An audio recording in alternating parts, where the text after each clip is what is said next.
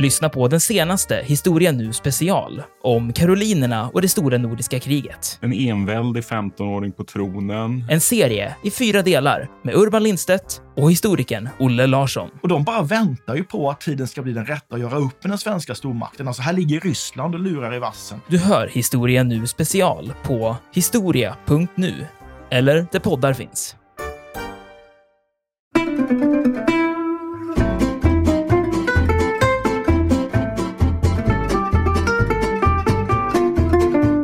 Hon berättar ju en hel del här. Hon är ju också magikunnig. Hon berättar att hon har förtrollat, använt magi för att förtrolla en fähusdörr. Att hon har använt magi för att göra en kvinna som heter Sigrid Månsdotter sjuk. Som har blivit så sjuk att hon plågades i sex år innan döden infann sig. Hon berättar också att hon lärt sig magi av en kvinna som hon pekar ut med namn, säger det, här, det är Elin Esbjörnsdotter som har lärt mig. Och det var hon också som gav henne det här betslet som hon hade använt på kalven när hon flög till Blåkulla för att vara med på den här eh, djävulssabbaten.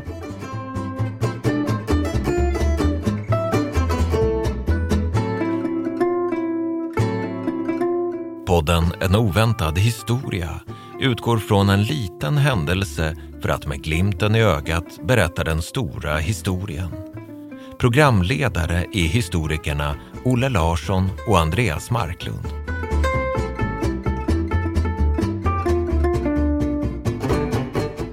Tjena Andreas! Tjenare! Hur är läget? Det är faktiskt väldigt bra. Det är lite kallt och ruggigt men eh, ändå, jag känner en slags inre värme som, som tänds på något sätt när jag, när jag ser dig. Ja, men vad skönt. Det, detsamma säger jag då från ett ruggigt, höstruggigt Växjö. Ja. Idag så tänkte jag att vi skulle prata om, eh, vad jag tycker i alla fall, ett av de absolut mest spektakulära eh, märkliga men samtidigt också väldigt tragiska eh, rättsfallen i svensk historia. Och då tänker jag alltså på, på de svenska trolldomsprocesserna.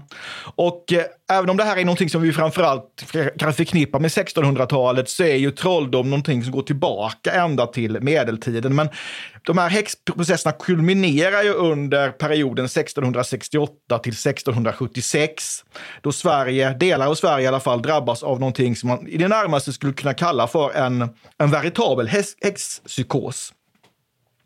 Men innan vi drar oss tillbaka då till häxornas, djävulens, demonernas och den svarta magins värld så tänkte jag ställa en fråga till dig Andreas. Och det är, alltså, jag tror att många som är intresserade av historia har en bild av de svenska häxprocesserna. Hur ser din bild ut? Um, ja, men så jag tycker att du valde ett ganska passande uttryck där, Olle. Du pratade om en häxpsykos. Alltså, det här är ju en sjukligt hysterisk och tragisk och på något sätt brutalt småaktig fas, tycker jag, i Sveriges historia som, som faktiskt gör mig ganska illa till mods. Alltså jag, det här är inte mitt favoritämne, måste jag tyvärr erkänna. Jag vet inte om man får säga så som historiker. Alltså det är jätteintressant, verkligen. Men, men, men det här kollektiva vansinnet som liksom griper hela samhället, det tycker jag är otroligt oroväckande. Så min, min bild av det här är nog väldigt dyster och kanske lite sådär äh, kan man säga, så här, lite kronologiskt avståndstagande. Jag vet inte om jag är en sån här struts som gräver ner huvudet i sanden, men jag, jag vänder gärna blicken mot andra delar av historien, bara för att det är så hemskt. Ja, jag, har, jag, jag är också väldigt kluven till trolldomsprocesserna. Jag tycker som sagt att de är mycket, mycket märkliga. De är väldigt brutala. Det finns något, något ytterst hemskt i, de, i den här brutaliteten med, med förhören och, och allt detta. Samtidigt så jag inte kan släppa att det är väldigt fascinerande för att det är ju ändå som att när man börjar titta på vad, man, vad som kommer fram under de här förhören så, så gläntas en liten dörr till en förfluten värld som är väldigt långt ifrån min egen verklighet öppnas och det ger mig en liten inblick där som jag tycker är, fascinerande.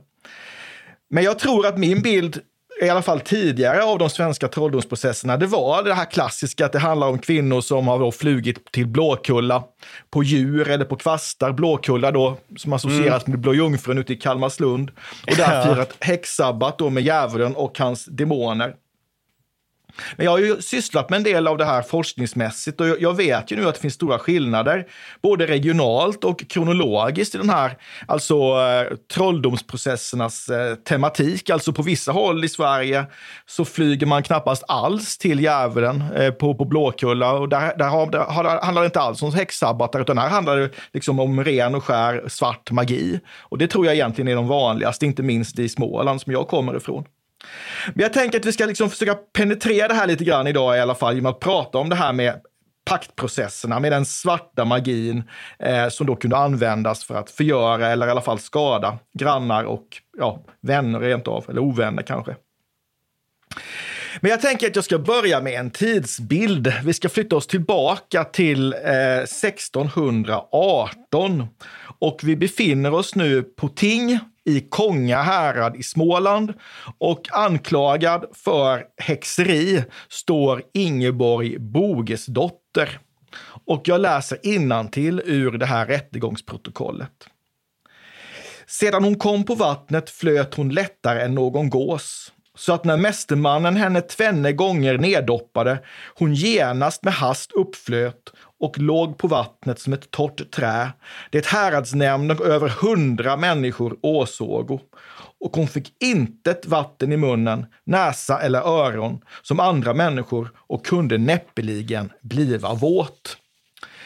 Vad vi har här, det är alltså ett av de allra tidigaste beläggen för förekomsten av så kallade vattenprov i Sverige. Vattenproven var ju en del i, i i förfaringssättet när man, höll, när man undersökte misstänkta häxor. Vattenprovet användes aldrig som bevis, men det var en indikation på att någon var en häxa om vederbörande flöt. Och det är ju, här är ju en tid där simkunnigheten var minst sagt begränsad, så att om någon flöt så måste det vara andra makter inblandade. Och det var ju så vattenprovet eh, användes. Och den här kvinnan heter som sagt Ingeborg Bogesdotter och hon kommer från byn Högnalöv i Uråsa socken i Småland och vi ska återkomma till henne om en liten, liten stund.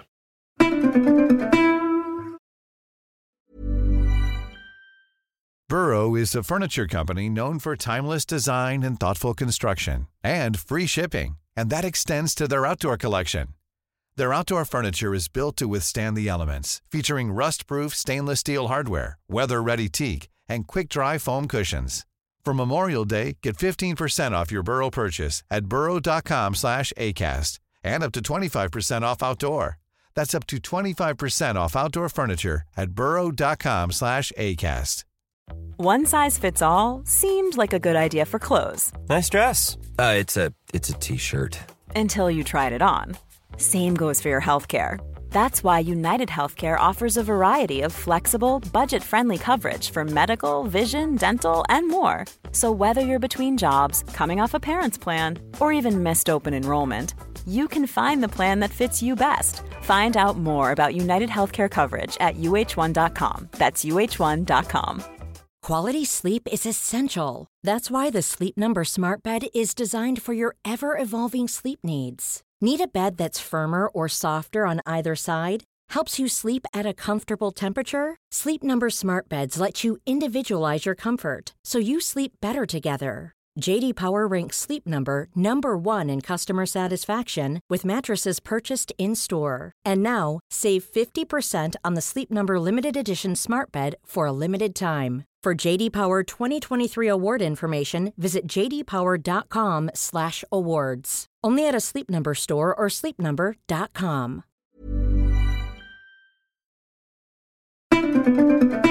Föreställer om häxor och att det finns magi och, och det här det går ju oerhört långt tillbaka till tiden och det här är ju inte heller ett, enbart ett svenskt fenomen utan vi ser ju det här på många håll i Europa tillbaka till medeltiden i alla fall.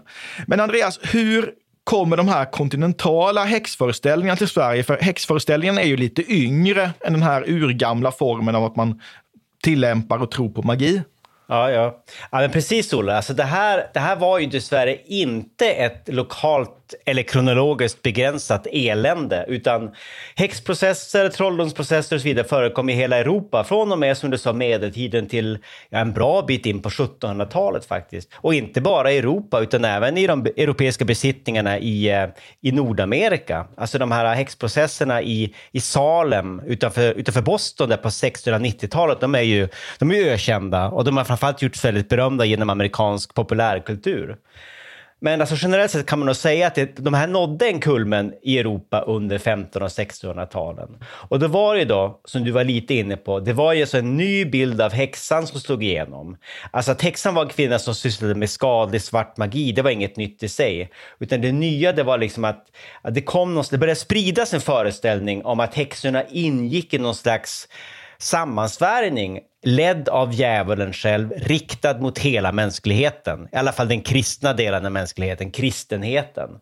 Och den här bilden av häxan den spreds genom den här väldigt obehagliga skriften Malleus Maleficarum, häxhammaren som kom 1486. Alltså det tillhör ju faktiskt då den första generationen av böcker som trycktes i Europa efter boktryckarkonstens uppfinnande. Och den blev, så en, slags, den blev en slags handbok i häxhantering då, med instruktioner om häxföreställningar, förhörsmetoder och, och, och tortyr också. Då. Den fick ju väldigt stor spridning och uppenbarligen också ett väldigt stort och starkt genomslag. Alltså man räknar med att det var ju hundratusentals personer som ställdes inför rätta då, anklagade för häxeri och trolldom mellan slutet av 1400-talet och ja, mitten av 1700-talet någon gång.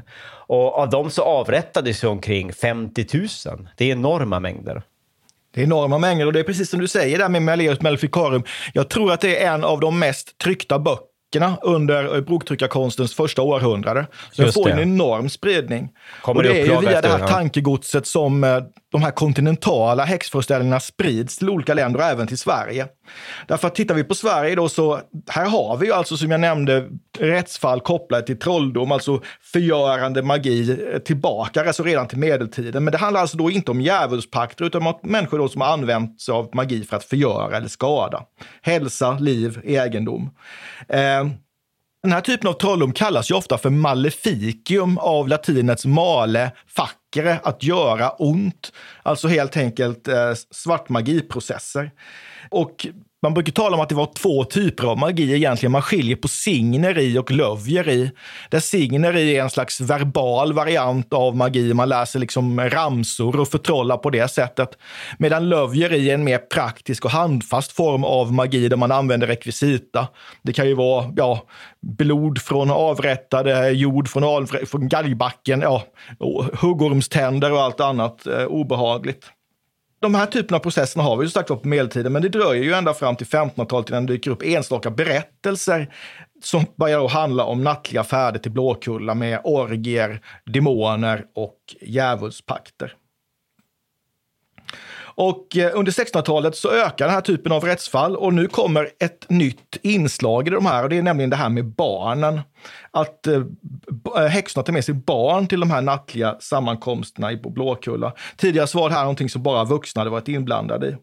Och man börjar ju fundera på varför kommer de här djävulsföreställningarna nu? Ja, det finns kanske flera olika samverkande förklaringar. Det kan ju bero på ett ökat antal studenter från Sverige som studerar utomlands, eh, studerar teologi, möter de här föreställningarna, Malleus Milleficarum. Kan ha att göra med reformationen, där mycket av de katolska sedvänjorna, katolska bruken så att säga diaboliseras, precis som stora delar av den gamla eh, folkkulturen eller folkreligiositeten också diaboliseras i, i, i reformationens efterdyningar. Men det, ja, det, det, det, det, finns många skäl då till att eh, det blir nya typer av häxföreställningar här under 1600-talet framför allt. Och man använder ju begrepp då för de här personerna som anklagas. De kallas ju för trollkonor eller trollpackor. Är man en man då, vilket var ganska sällsynt, men det förekom, så kunde man då få epitetet trollkar. Ordet häxa kommer ju sen från, från tyskans häxe och det är ju det som man börjar använda sen framförallt under 1600-talet. Och det är ju då de här under 1600-talet som vi har de här riktigt stora häxpsykoserna i Sverige, de här stora häxförföljelserna som då kulminerar mellan 1668 och 1676. Alltså ganska kort men mycket intensiv fas och det är en veritabel häxpsykos. Vi kan tala om under de här åren med tusentals anklagade och några hundra avrättade. Eh, Andreas, hur eller var någonstans börjar de här processerna och hur, hur sprids de sen? Ja, de här stora häxprocesserna i Sverige de börjar ju då i, i Älvdalen faktiskt, i Dalarna, 1668. Och där inleder man ju då rättsliga rannsakningar efter att flera barn hade berättat då för vuxna i sina omgivningar om att de hade fått följa med till Blåkulla och där då träffa djävulen och hans anhang. Och det är det här som blir då startskottet för något som då, skulle kunna liknas då vid, vi har använt uttrycket häxpsykos, men det är också någon slags mental epidemi kanske, alltså häxsmittan. Den förs liksom vidare då och slår rot i, i Lillhärdal, i Härjedalen, i Mora, Rättvik, Orsa och Leksand. Och mellan 1668 och 1671 så är det 45 personer som avrättas för trolldom på de här platserna då, genom att halshuggas och sen då brännas på bål, alltså kropparna bränns på bål. Men sen sprider sig det här då, häxförföljelserna till närliggande landskap i, i Norrland, alltså till Gästrikland, Medelpad, Ångermanland, Jämtland, Härjedalen och Västerbotten. Och även då, eh, alltså på den finska sidan av Östersjön, alltså fin, den finska delen av det svenska kungariket, så äger det en massa trolldomsprocesser rum under den här perioden. Men sen så når det här stora oväsendet, det är det man kallar det för. Det stora oväsendet når då även Stockholm och Västmanland då, efter några år. Men nu, bör, nu börjar man då inse att det är saker och, ting som inte, saker och ting som inte stämmer. Alltså när man jämför barnens vittnesmål med varandra och när man korsförhör de här ungarna så visar det sig att berättelserna inte hänger ihop. Man brukar säga att det som gör häxprocesserna unika då i svensk rättshistoria är dels att man, ja, man, godtog, ju, man godtog berättelser som hade tvingats fram under tortyr och man gav också barn då fullt vittnesvärde. Men man insåg ju här då efter ett tag att, att många av de här barnen faktiskt har ljugit under, under eh, processerna. Och då avstannar alltihopa. Och då hade väl, vad var det, 250 personer hade hunnit avrättas. Och det var oftast då kvinnor som då hade suttit på, på bänken för de anklagade. Men det fanns också enstaka män. Och jag vet att i Finland och var det inte också Estland och Livland, där var det faktiskt männen då som var i majoritet bland de anklagade. Ja, det är fascinerande just den här, den här eh, genusaspekten, varför det är så många kvinnor just i Sverige ja. och varför det, är, varför det är männen som dominerar på andra sidan Östersjön. Verkligen. Eh, det är oerhört intressant. Och det är, det är ju då, då när vi har de här, det är ju 1668 till 76, det är de här, då är då vi har hex, eh, den här stora häxpsykosen. Men sen förekommer det ju enstaka liksom, trolldomsmål. Det här är ju inte någonting som är över med 1600-talet, även om det är kanske 1600-talet som mer än något annat århundrade förknippas med den här typen av brottslighet. Utan har, vi har ju alltså trolldomsprocesser i Sverige under stora delar av 1700-talet. Vi har på 1720-talet ett tiotal kvinnor i Värmland anklagade för blåkullafärder och magi. De döms dock inte till döden utan till landsförvisning. Nya häxrättegångar i Dalarna har vi 1757. Den här gången så frikänns samtliga och det, det visar ju att någonting håller på att hända här under 1700-talet där man är mer skeptisk till de här anklagelserna än vad man var under, under 1600-talet. Men intressant nog, alltså så sent som 1858 så berättar några barn då från Mockfjärd i Dalarna att de har förts till Blåkulla nattetid och fått träffa någon de kallar för Nåsgubben. Och det är någon slags eh, ja, Dalarna-uttryck för den onde själv, Nåsgubben. Nåsgubben? Eh, Nås, precis, just så. Och det, han låter ju inte fullt så farlig som djävulen, låter betydligt nej. otäckare faktiskt. Men den här gången så blir det ju ing, gör, gör ju myndigheterna inte någonting åt det här, utan man bara kritiserar egentligen prästen som har satt liksom griller i huvudet på barnen och säger åt dem att sluta upp med de där, de där dumheterna. Skakar lite bekymrat på huvudet mer. Precis, och på 1800-talet är ju det här inte ett brott längre, utan vi har ju den sista avrättningen för trolldom 1704. 1779 så försvinner trolldom ur den svenska lagen och, och, där, och, det beror ju förmodligen på upplysningen, det beror på en begynnande sekularisering. Man kan väl säga det att föreställningar kring djävulen och det här, de hör ju hemma i en, i en, i en värld där kulturen är religiös och där djävulen, demoner, skogsvrån, tomtar, vrättar, eh, små demoner, pukar och vad de heter behövs för att verkligheten ska bli begriplig. Det har ju hänt någonting tankemässigt under loppet av 1700-talet, inte minst att läskunnigheten har ökat och sådär. Så det är många, många samverkande faktorer som bidrar till att trolldomsprocesserna försvinner ut ur lagen. Precis. En av dem är Gustav III. Det är faktiskt under hans regeringstid. Upplyst despoti. Jagar bort Och han är ju den som är kung då när den här trolldomsparagrafen äh, stryks Precis. ur lagen. Precis. Men Andreas, jag tänkte att vi skulle bli lite konkreta och titta lite grann på, på två, två konkreta rättsfall. Eh, där ett, båda två är från Småland, men det är olika varianter av trolldom. Det, andra, det första handlar om ett klassiskt eh, svart magimål och det andra handlar om en klassisk eh, blåkullafärd. I det första fallet så handlar det om en kvinna som heter Elin som bor i Horsnäs i Ryssby socken som anklagas för svart magi. Och i det andra fallet så är det då den här Ingeborg Jonsdotter som vi mötte i början av det här avsnittet med, häx, eh, med, med vattenprovet då, som anstår inför rätta anklagad för att ha firat häxsabbat på Blåkulla. Men Andreas, jag tänker vi kan börja lite med, med vi börjar med Elin i Horsnäs. Andreas, vad, vad är det Elin råkar ut för? Ja, men hon var en medelålders änka som hade rykte om sig att vara lite grann lite så här klok gumma. Hon var, hon var kunnig i magi och det var det som gjorde att hon hamnade då inför rätta år 1600. Och den som hade stämt henne inför tinget var ingen mindre än, än hennes granne, en viss Eskil Bengtsson, som misstänkte då att hon hade gjort hans eh, kor sjuka, eller hans djur hade i alla fall blivit sjuka. Hon hade satt någon slags smitta på dem. Och Elin då, under den här rättegången så berättade Elin att hon hade lärt sig magi av sin mor och att många människor faktiskt hade haft, hade haft glädje av hennes tjänster genom åren. Alltså hon använde sin magi till att hjälpa folk, ansåg hon själv. Även om hon erkände att hon var magikunnig. Eh, hon berättade bland annat om sin egen syster som hade varit orolig för att hon då skulle förlora sin trolovade, en viss Simon Turesson. Och den här Simon, han hade själv sökt upp Elin för att få hjälp med att återfå sin lust till eh, Elins syster. Och Elin hade då sagt åt honom att göra ett hål i en ekpåle och sen då stoppa in två bitar med rågbröd, rågbröd tre, tre bitar med fisk och tre köttbitar genom det här hålet. Och det ska man göra tidigt på en söndagsmorgon, alltså kyrkans dag, den heliga dagen. Och det ska göras före soluppgången. Och sen skulle paret äta upp de här bitarna tillsammans och därefter bli oskiljaktiga. Så det här var en slags kärleksmagi kan man väl säga. Eller kanske någon slags folkligt lite potensmedel, afros, afrodisiakum. Så hon var alltså magikunnig, men hon frikändes och eh, Eskil, alltså den där grannen med de sjuk, den, den sjuka kossan eller vad det nu var. Han fick hjälp av Elins mor som fortfarande var i livet och den här morsan rådde faktiskt då Eskil att ta en kalv och lägga den i en säck och stoppa in den i stugan genom fönstret efter att ha gått tre varv med den här säcken runt huset. Och det, det, han följde det rådet och, och, det hjälpte tydligen. Då. Och det är väldigt intressant alltså att magi ingår på något sätt i, i lösningen av det här problemet. Ja, jag tycker det här fallet är så intressant. Dels då att det, det, är ganska typiskt att det är en granne som anklagar. Det är en kvinna som blir anklagad.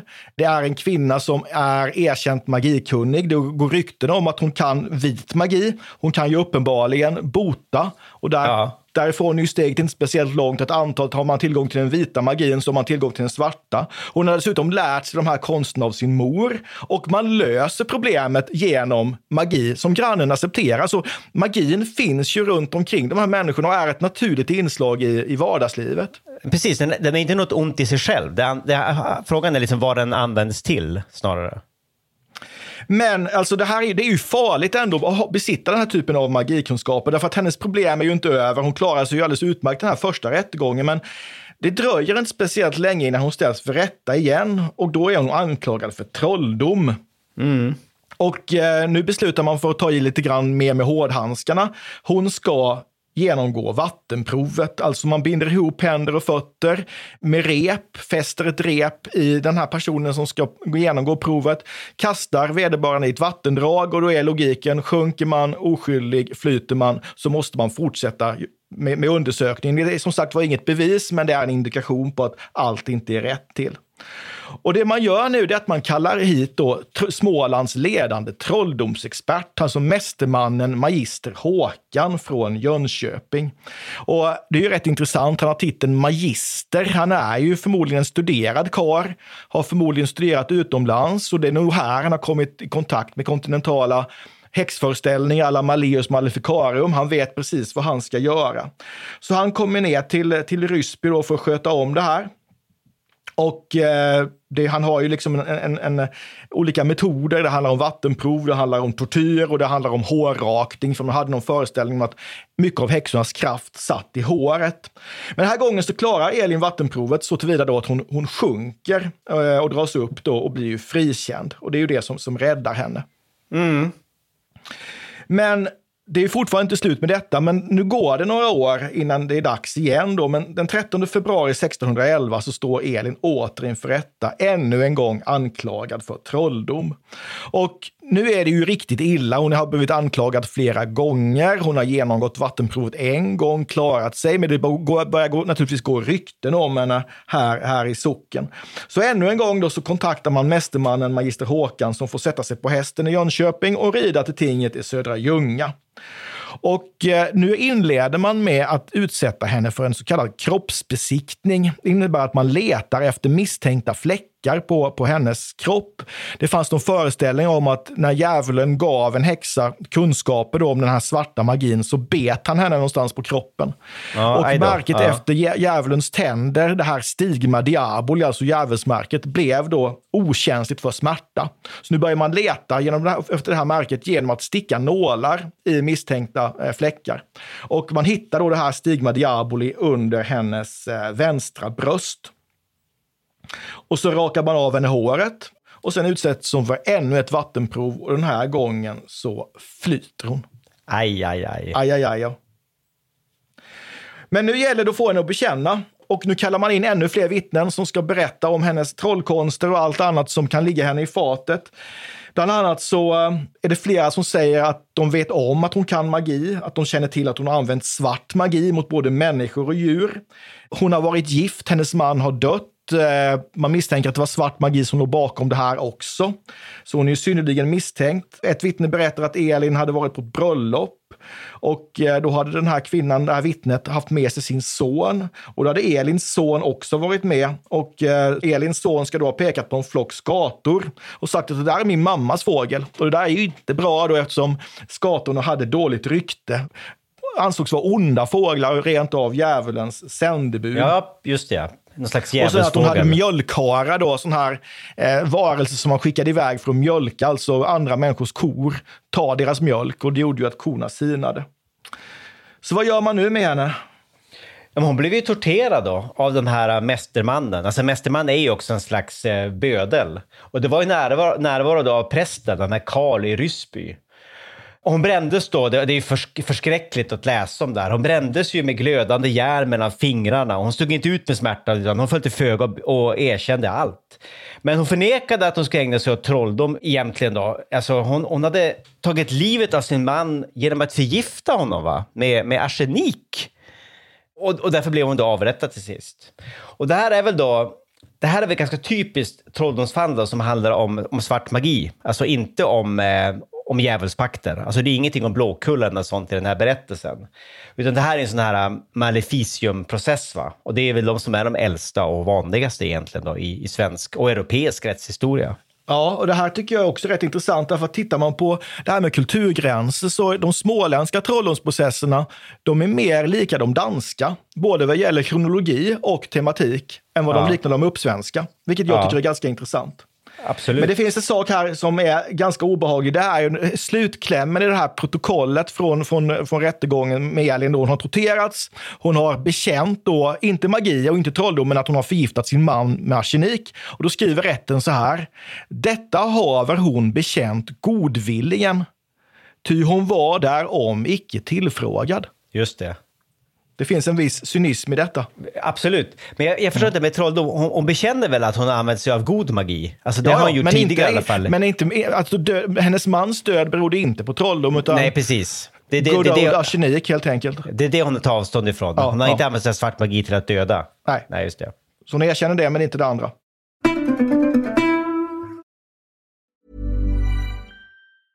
Cool fact a crocodile can't stick out its tongue. Also, you can get health insurance for a month or just under a year in some states. United Healthcare short term insurance plans, underwritten by Golden Rule Insurance Company, offer flexible, budget friendly coverage for you. Learn more at uh1.com. Quality sleep is essential. That's why the Sleep Number Smart Bed is designed for your ever evolving sleep needs. Need a bed that's firmer or softer on either side? Helps you sleep at a comfortable temperature? Sleep Number Smart Beds let you individualize your comfort so you sleep better together. JD Power ranks Sleep Number number 1 in customer satisfaction with mattresses purchased in-store. And now, save 50% on the Sleep Number limited edition Smart Bed for a limited time. For JD Power 2023 award information, visit jdpower.com/awards. Only at a Sleep Number store or sleepnumber.com. I'm Sandra, and I'm just the professional your small business was looking for. But you didn't hire me because you didn't use LinkedIn jobs. LinkedIn has professionals you can't find anywhere else, including those who aren't actively looking for a new job but might be open to the perfect role, like me.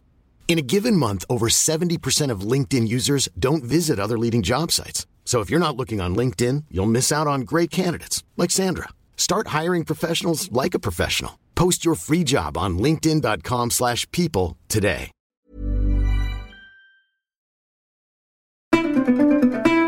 Men så har vi då en annan typ, mer klassisk typ av, av trolldomsfall och det är den här Ingeborg Bogesdotter som vi pratade om tidigare då som Ja, anklagas det, då ja. för att ha rest till Blåkulla och haft fest med djävulen. Och det här är då 1618. V- vad är det hon berättar under den här rättegången? Ja, det där är ju, det är ju helt fantastiskt. Alltså, hon lämnar in en ganska detaljerad redogörelse, redogörelse kan man väl säga då, för alltså, sina erfarenheter och eh, upplevelser på Blåkulla. Hon hade helt sonika satt sig på en kalv eh, en natt och, och flugit med den då till Blåkulla. Och här hade det varit en pågående häxsabbat som hade firats då.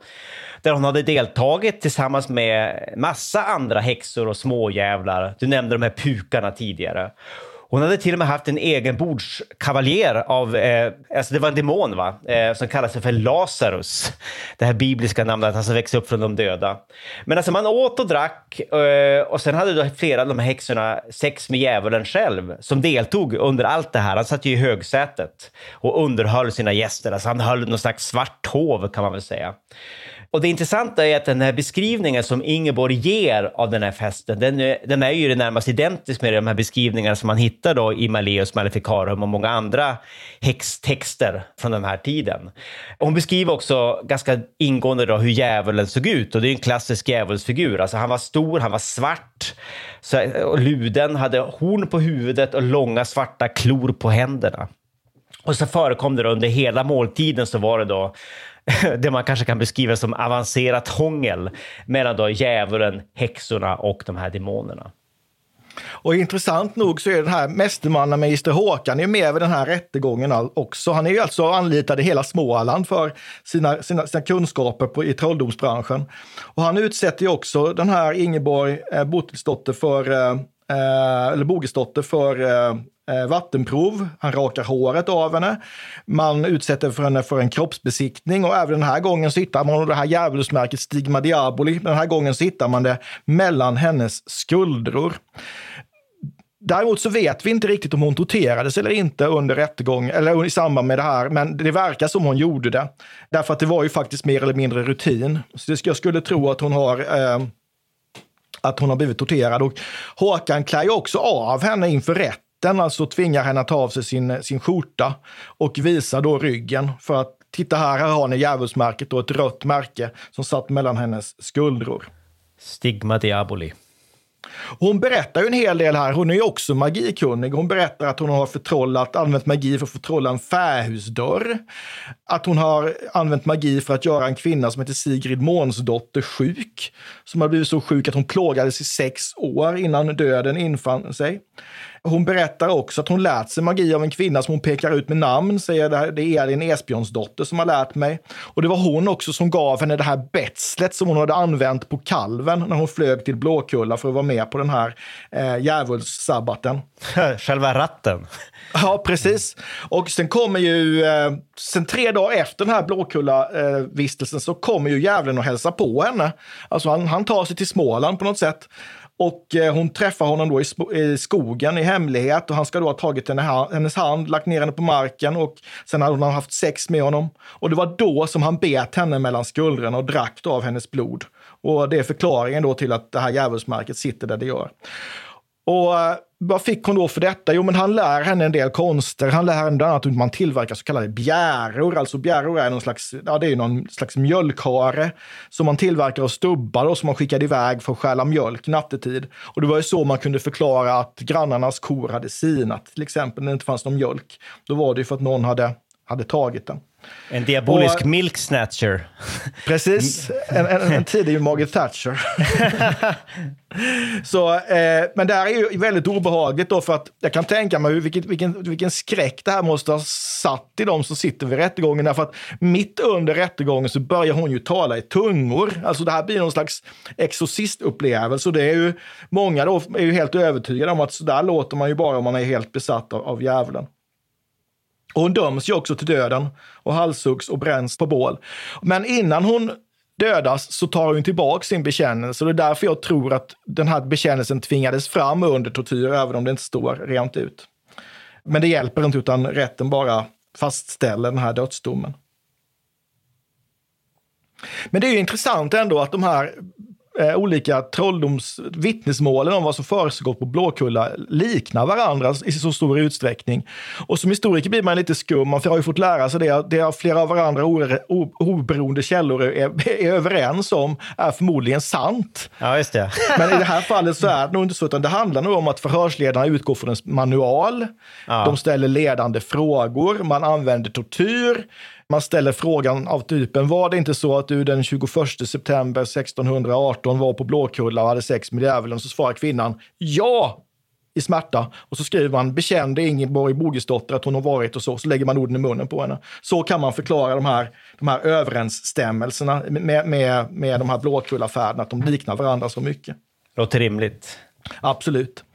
Och trolldomsprocessen har ju fått en hel del uppmärksamhet i svensk historieforskning och någonting man har frågat sig om, det är, ställt sig frågan om, det är ju liksom det här med varför ser Blåkulla-föreställningarna ut som de gör? Alltså, med undantag för djävulen och demonerna så var ju Blåkulla, det är ju egentligen ingen, ingen otrevlig plats. Det är ju liksom, de har ju ganska roligt, det är överdåd, det är fest, man dansar och sjunger, man äter gott, alltså det är ju någon slags antites till vardagens eh, knapphet och slit.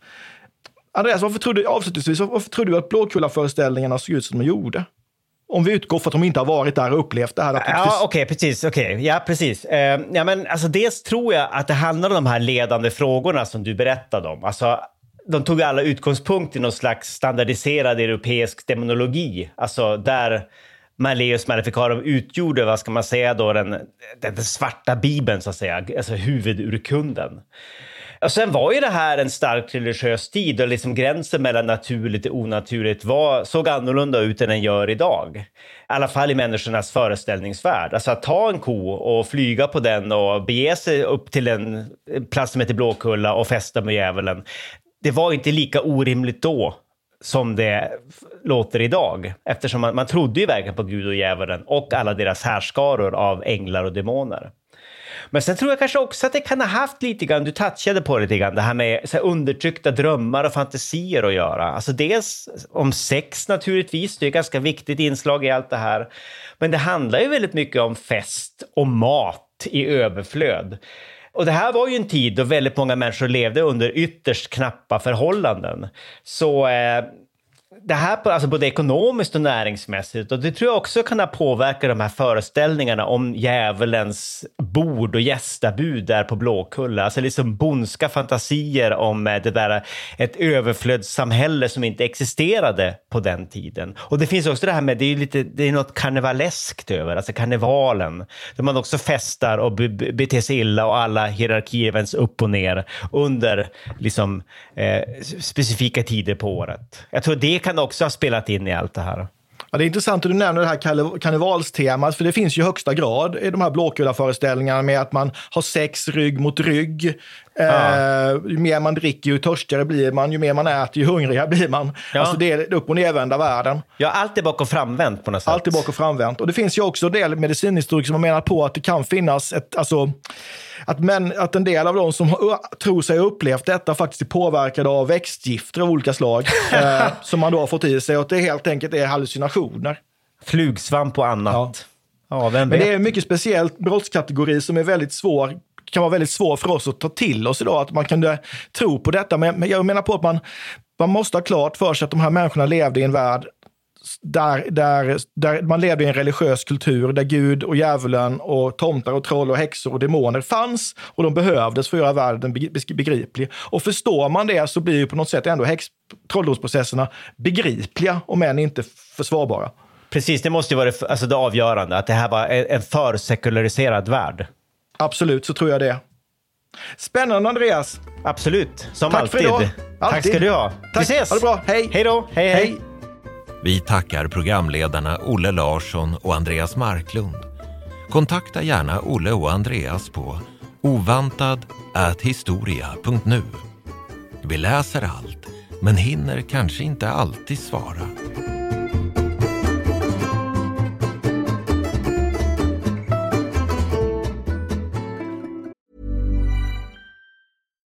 When we're on a budget, we still deserve nice things. Quince is a place to scoop up stunning high-end goods for 50 to 80% less than similar brands. They have buttery soft cashmere sweaters starting at $50, luxurious Italian leather bags, and so much more. Plus, Quince only works with factories that use safe, ethical, and responsible manufacturing. Get the high-end goods you'll love without the high price tag with Quince. Go to quince.com slash style for free shipping and 365-day returns. Mom deserves the best, and there's no better place to shop for Mother's Day than Whole Foods Market. They're your destination for unbeatable savings, from premium gifts to show-stopping flowers and irresistible desserts. Start by saving 33% with Prime on all body care and candles. Then get a 15-stem bunch of tulips for just $9.99 each with Prime. Round out Mom's menu with festive rosé, irresistible berry chantilly cake, and more special treats. Come celebrate Mother's Day at Whole Foods Market.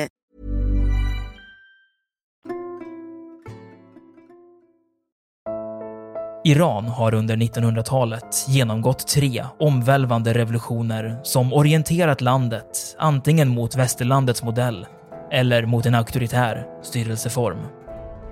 Idag pågår en social revolution i landet som vänder sig mot det islamistiska styret och vars anhängare har Europa och väst som förebilder. I en viktig bok ger idéhistorikern Mohammad Faslashemi en djupare förståelse för dagens dramatiska händelseutveckling.